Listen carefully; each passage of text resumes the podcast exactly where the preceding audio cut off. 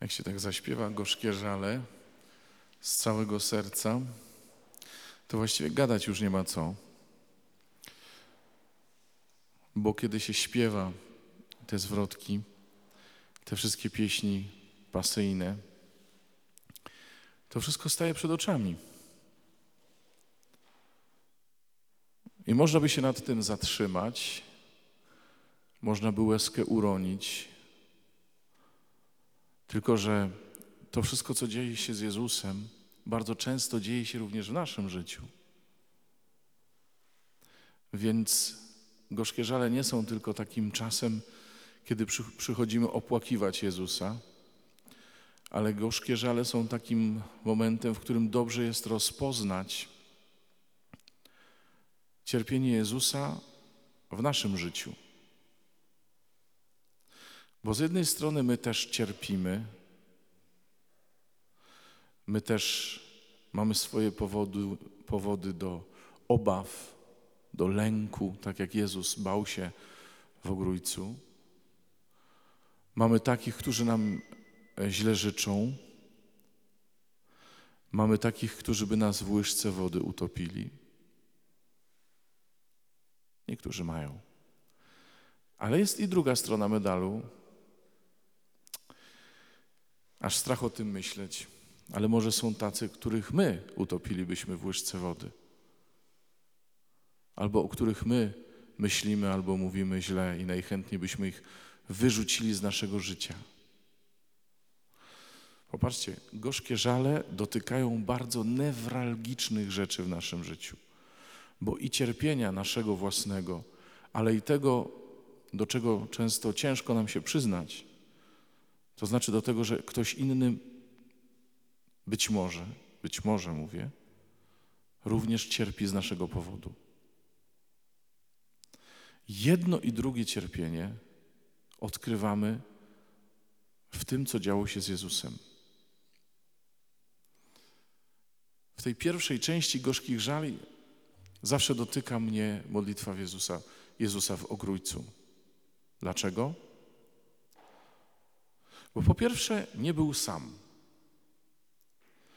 Był tam z uczniami, był tam ze swoimi przyjaciółmi.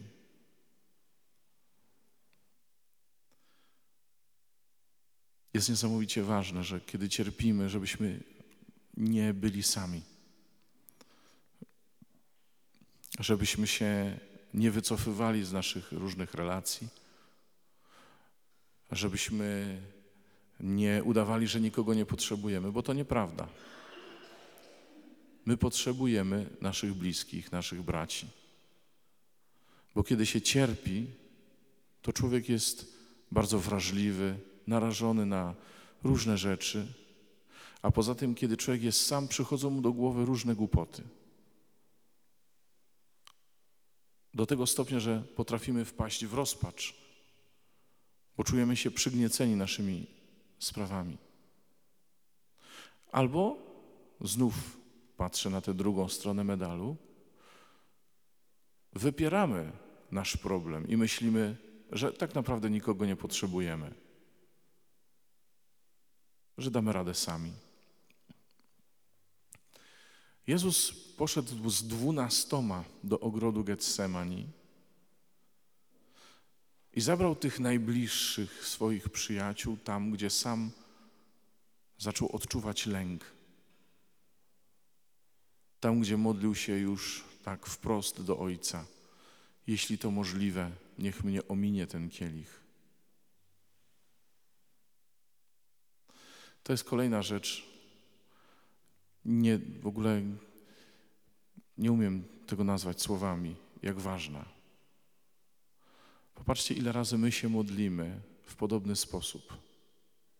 Panie, zrób to, albo Panie, tego się boję, jeśli to możliwe, oddal ode mnie ten kielich. I bywa, bywa, że czujemy się niewysłuchani.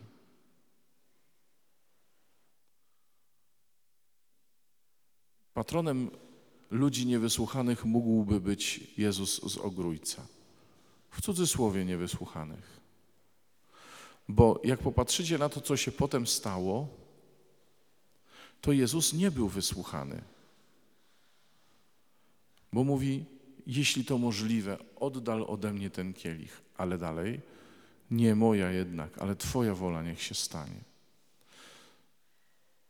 I przenosząc się myślami trochę już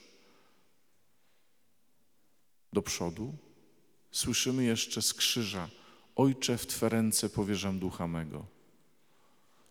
Jezus jeszcze na krzyżu nie przestał ufać Ojcu.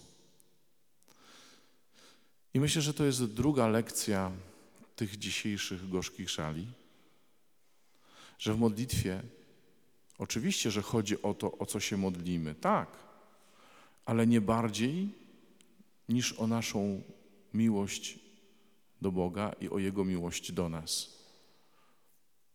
Bo czy Ojciec nie kochał Jezusa, posyłając Go na krzyż, prosząc Go o to, żeby się poddał krzyżowi? Absurd.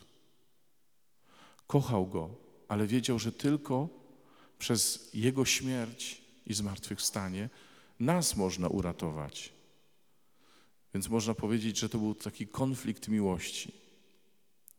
I z naszą modlitwą znów jest podobnie.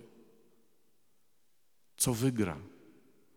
Czy to, o co my prosimy, czy to, kogo prosimy?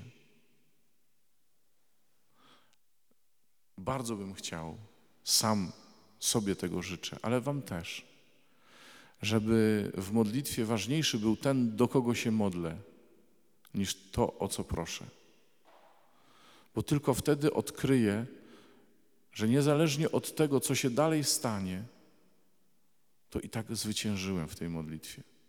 Jezus zwyciężył w tej modlitwie, dlatego że powiedział: Twoja wola, Ojcze.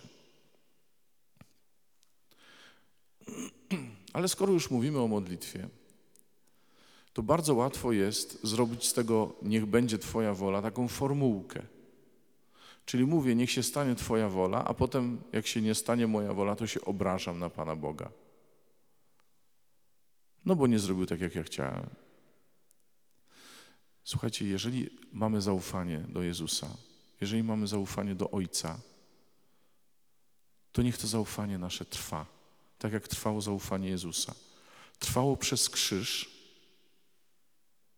trwało Jezusowe zaufanie do Ojca, aż na chwilę przed śmiercią zawołał: W Twe ręce polecam ducha mego.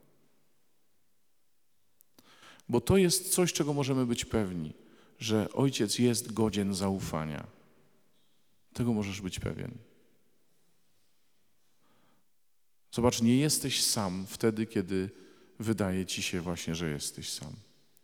Nie jesteś sam wtedy, kiedy się boisz. Nie jesteś sam wtedy, kiedy spodziewasz się rzeczy trudnych w Twoim życiu.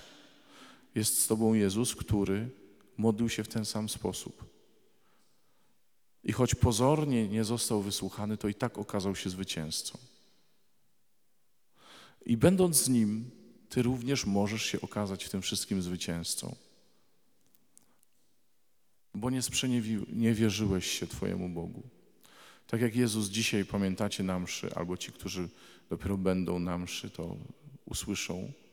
Jezus dzisiaj też nie sprzeniewierzył się Ojcu, kiedy był kuszony. Tu chodzi o wierność. Więc ostatecznie ta pierwsza część gorzkich żali jest wołaniem o wierność, o naszą wierność i dziękczynieniem za wierność Jezusa.